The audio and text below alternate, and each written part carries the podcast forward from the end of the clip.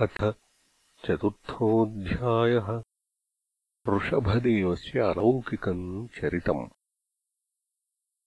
श्रीशुक उवाच अथः तम् उत्पत्त्यैवाभिव्यज्यमानभगवल्लक्षणम् साम्योपशमवैराग्यैश्वर्यमहाविभूतिरनुदिनम् एधमानानुभावम् प्रकृतयः प्रजा ब्राह्मणा देवताश्चावनितलसमवनायातितराम्। जगृधुः तस्य हवा इत्थम् वर्ष्मणा वरेयसा बृहत्श्लोकेन चौदसा बलेन श्रिया यशसा। वीर्यशौर्याभ्याम् च पिता ऋषभ इतीदन्नाम चकार। तस्य हीन्द्रः स्पर्धमानो भगवान् वर्षे नववर्ष। तदवधार्य भगवान् ऋषभदेवो योगेश्वरः प्रहस्यात्मयोगमायया। स्ववर्षमजनाभन्नामाभ्यवर्षत्। नाभिस्तु यथाभिलषितम् सुप्रजस्त्वम् अवरुध्य अतिप्रमोदभरविह्वलो। गद्गदाक्षरया गिरा स्वैरम् गृहीतनरलोकसधर्मम् भगवन्तम् पुराणपुरुषम्। मायाविलसितमतिः वत्स तात इति सानुरागमुपलालयन् परान्निर्वृतिम् उपगतः। विदितानुरागमापौरप्रकृतिजनपदो राजानाभिरात्मजम् समयसेतुरक्षायाम् अभिषिच्य ब्राह्मणेषूपनिधाय सह मेरुदेव्या विशालायाम् प्रसन्ननिपुणेन तपसा समाधियोगेन नरनारायणाख्यम् भगवन्तम् वासुदेवमुपासीनः कालेन तन्महिमानम् अवाप। यस्य हवा पाण्डवेयश्लोका उदाहरन्ति को नु तत्कर्म राजर्षेर्नाभेरन्वाचरेत् पुमान्। अपत्यतामगाद्यस्य हरिः शुद्धेन कर्मणा ब्रह्मण्योऽन्यः कुतो नाभेर्विप्रामङ्गलपूजिताः।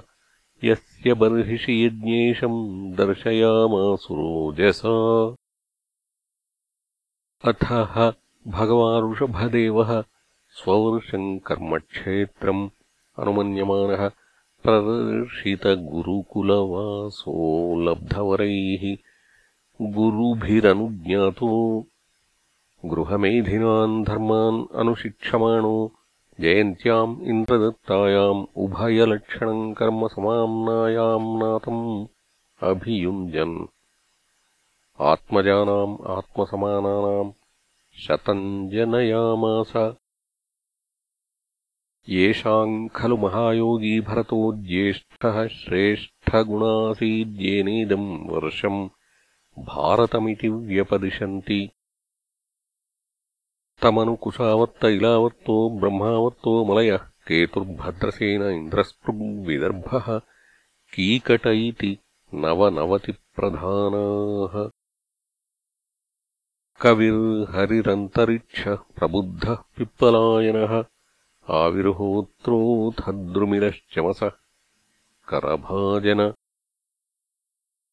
इति भागवतधर्मदर्शना नवमहाभागवताः तेषाम् सुचरितम्। भगवन्महिमोपबृंहितम् वसुदेवनारदसंवादम् उपशमायनम् उपरिष्टात् वर्णयिष्यामः यवीयांस एकाशीतिर्जायन्ते याः पितुरादेशकरा महाशालीना महाश्रोत्रियाः। यज्ञशीलाः कर्मविशुद्धा ब्राह्मणा बभूः। भगवान् ऋषभसंज्ञात्मतन्त्रः स्वयम् नित्यनिवृत्तार्थानर्थपरम्परः।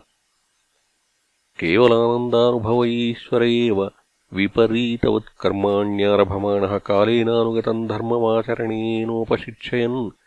अतद्विदाम् समः उपशान्तो मैत्रः कारुणिको धर्मार्थैषः प्रजानन्दामृतावरोधेन गृहेषु लोकम् नियमयत्